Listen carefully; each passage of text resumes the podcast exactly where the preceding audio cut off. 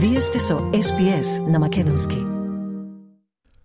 Националната недела на науката, што се одржува секоја година во август, е можност во Австралија за средба на научници, за разговори на жешки теми, за занимавање со науката и за прославување на низиното културно и економско влијание врз обштеството прв пат одржана во 1997 година. Националната недела на науката стана еден од најголемите фестивали во Австралија со повеќе од 1000 настани ширум земјата, подготвени од универзитети, училишта, истражувачки институции, библиотеки, музеи и научни центри, кои привлекуваат над 1 милион учесници од сите возрасти.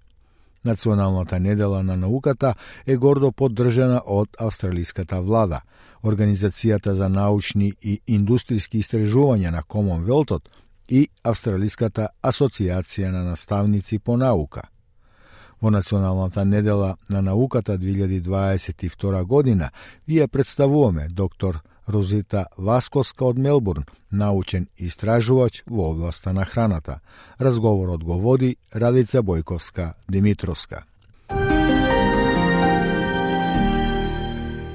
Розите, добар ден, добре дојдовте повторно на SBS на Македонски. Добар ден, Радица. Ми е чест и задоволство повторно да бидам ваш гостин. Ви благодарам. Се доселивте во Австралија откако стапивте во брак со македонецот Мелбурн, се вработивте, оформивте семејство и ништо во животот не ве спречи да продолжите со студиите и со научните истражувања.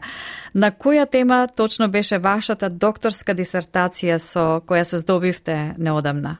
Мојата докторска дисертација беше на темата квалитет на храна, поточно работев со месо и работев со хемиски и физички карактеристики на месото, меѓутоа тоа секако дека има примена и мислам и други во другите типови на храна.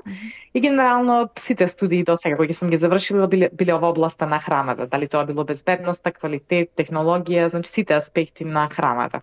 Колку време ви беше од прилика потребно меѓу магистратурата и докторат? Меѓу магистратурата и докторатот направив мала пауза во која што а, се вратив во Македонија, значи магистратурата ја правев во Холандија и се вратив еден период во Македонија во кој што работев на технолошко-техничкиот факултет во Битола на насоката нутриционизам и потоа едноставно решив дека сакам да продолжам со докторски студии понатаму и така аплицирав за докторски студии во Австралија и добив стипендија тука, па така така и продолжив. Розита, дали мислите дека времето потребно да се вложи во полето на науката каде што може да се каже дека доминира машкиот пол е можеби причина што ги стивнува амбициите и самодовербата кај жените за научни постигнувања?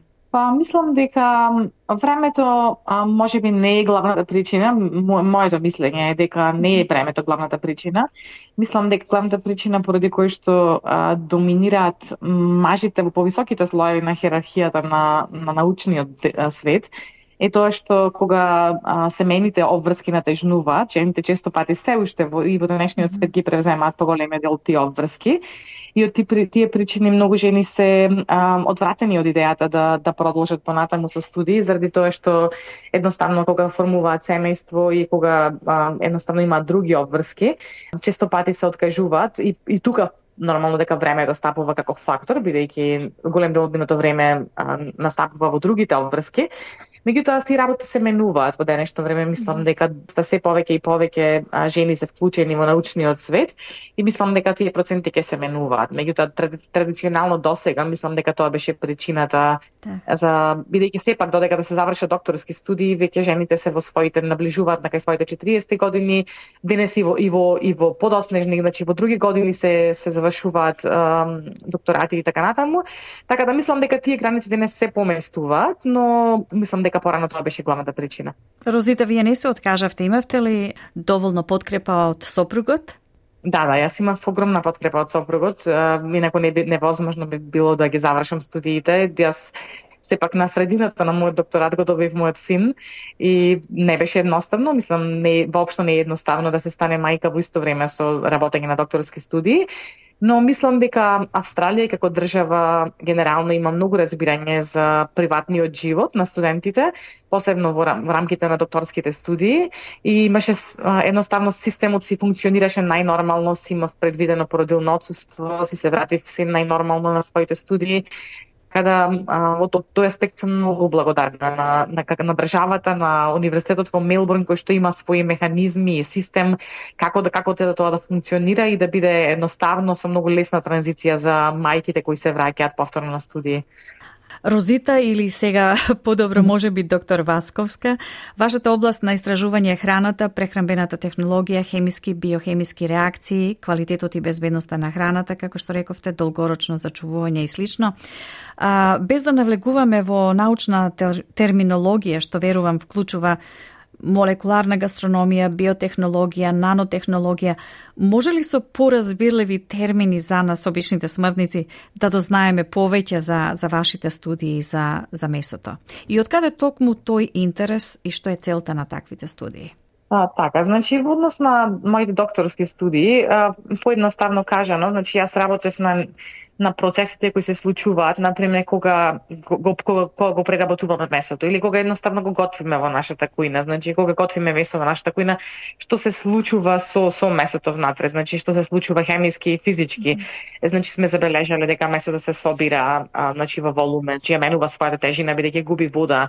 Зошто ја губи таа вода? Тоа заради тоа што протеините во месото се менуваат и сите тие внатрешни хемиски состојки на месото подлегнуваат на одредени процеси процеси и заради тоа можеме физички да забележиме некои промени и добиваме добиваме храна која што сакаме да ја конзумираме на крај бидејќи има одредена текстура, одреден вкус, одредени сензорни карактеристики.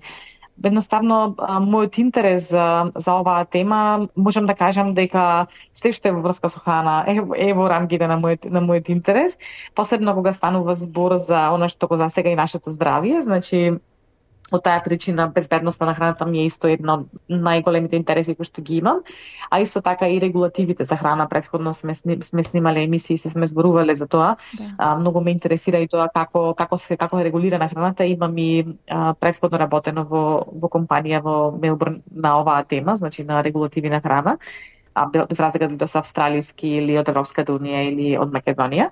Така да а, имам еден широк интерес да речам и, и во едно со едноставни зборови кажано, преку мојата професија се трудам да имаме храна која што не само е вкусна, туку е безбедна за конзумирање, храна која што а, доволно не информира преку своето пакување што се содржи во неа, а, едноставно да имаме еден квалитетен живот со тоа што ќе имаме храна која што а, значи ќе, ќе ги исполнува сите критериуми. Значи и од аспект на безбедност, и од аспект на квалитет, и од аспект а, да речем законски исполнети сите прописи. Да, во современото производство на местни производи најчести додатоци што се користат и што најмногу загрижуваат, ми се чини се нитритите, препознатливи по тоа што се да. одбележани со буквата Е и потоа број обично го гледаме 250 таму. Докаде е науката, доктор да. Васковска, за храна? Можно ли е да се одржи производот подолго време и да се подобри вкусот и мирисот, а без употреба на вакви хемиски додатоци кои и Светската здравствена организација ги има означено како токсични и канцерогени субстанции? Да. А, во денешно време мислам дека се работи на природна замена на тие адитиви. А, не значи дека сите тие адитиви се комплетно штетни, значи кога кога се веќе одобрени во храната, значи дека тие поминале некој си безбедносен тест. А, тоа е веќе една долга приказна, некои адитиви имаат историја на на безбедна употреба а, и едноставно се поминати на неодамнешни тестови, некои се базираат на тестови кои биле да, направени а, може би пред 50, пред 40 години, едноставно самата безбедност на употреба низ годините а, се уште ги оставило да бидат користени тие адитиви. Значи сакам едноставно да, да пренесам порака дека сите адитиви кои денес се користат е на неколков начин биле одобрени за употреба, значи не не, не се забраните, не се нелегални, не се небезбедни, меѓутоа нормално дека денешната тенденција да се користат повеќе природни состојки, така да а, во денешно време постојат а, прашоци на база на зеленчук, а, кои што ги имаат тие својства на нитридите кои што кога се додат во местните производи резултираат до производ кој што ќе добие слична боја, а во исто време и ќе има и сличен вкус и ќе има подолг рок на траење. Значи денес постојат такви а, природни адитиви, значи не се не, не, не тоа не се адитиви, тоа се состојки на храната, а, кои што се на база на зеленчукови состојки и кои што може да се додаваат во местните производи и да се добие истиот квалитет на производот. Така. Доктор Васковска, додека го правиме овој разговор, вие сте на одмор во Европа, дел од вашиот одмор го поминувате во Македонија, па би сакала да ве прашам, какви се вашите впечатоци за безбедноста на храната таму? Па мислам дека безбедноста на храната во Македонија е солидна пред некои си 10-15 години а, во Македонија имаше еден силен бран на воведување на хасап системи и на а, безбедносни системи, дали тоа беа ISO 22000 и други а, други разни сертификати и лиценци за безбедност на храна. Така да мислам дека тоа веќе одамна е нешто што треба да се смета како едноставно загарантирано mm -hmm. на некој начин. Нормално дека секаде и секогаш може да има исклучоци, меѓутоа генерално на ниво на држава мислам дека таа свест се подигна пред некои 10-15 години и јас активно учествував во тој процес, бев вклучена во тие имплементации на хасап системи баш после завршувањето на моите додипломски студии. Меѓутоа и мислам дека сега генерално постои таква свест меѓу вработените дека и, и мислам дека тие хигиенски практики веќе се во свеста на на вработените и сите оние кои што се во контакт со храна. И уште едно прашање на крајот. Не можеме да не ве прашам за вкусните македонски домати, онакви какви што ги паметиме од порано, или вкусот на традиционалниот македонски домат, дали е изгубен поради хибридни семиња што а, обезбедуваат поголем род, зеленчукот останува подолго свеж, а исто така е полесен и за транспорт? Мислам дека се уште е зачувано во а, генерално моето искуство од оваа година од одморот тука во Македонија а, е дека за дека квалитетот на, на производите е се уште искако и порано, зачуван. А, тоа многу едноставно може да се забележи не само по вкусот на производите, туку и сите оние пекарски производи кои што да речам ги користиме, кои што ги јадиме во Македонија, кои што ги конзумираме, можеме да забележиме дека вториот ден веќе се ме тврди веќе третиот ден може да фајтат мувла и така натаму тоа веќе тоа што тоа ни кажува дека едноставно во нив нема конзерванси, нема адитиви, дека како што нас ни се вкусни, така и ми се да. вкусни и на бактериите и на мувлите. Сигурно. Така да а, едноста, едноставно кажано, значи нивната нивната трајност е многу мала, од таа причина што се уште а, не се користат такви а, толку многу конзерванси и се уште многу има природен начин на, на приготвување на храната и, и за зеленчукот дефинитивно се уште е зачуван тој, тој вкус автентичен, а, многу природен, многу, многу вкусен зеленчук, така да топло препорачувам на сите кои што имаат шанса да, да, си да си дојдат повторно, да да уживаат во задоволство на храната во Македонија. Да, секако добро. Доктор Розита Васковска ви благодарам за одвоеното време, особено што е за време на вашиот одмор и многу среќа и успех во ваш вашите идни истражувања. Фала Радица, фала ви на честа да, да бидам гостин повторно во вашата емисија и поздрав до сите слушатели.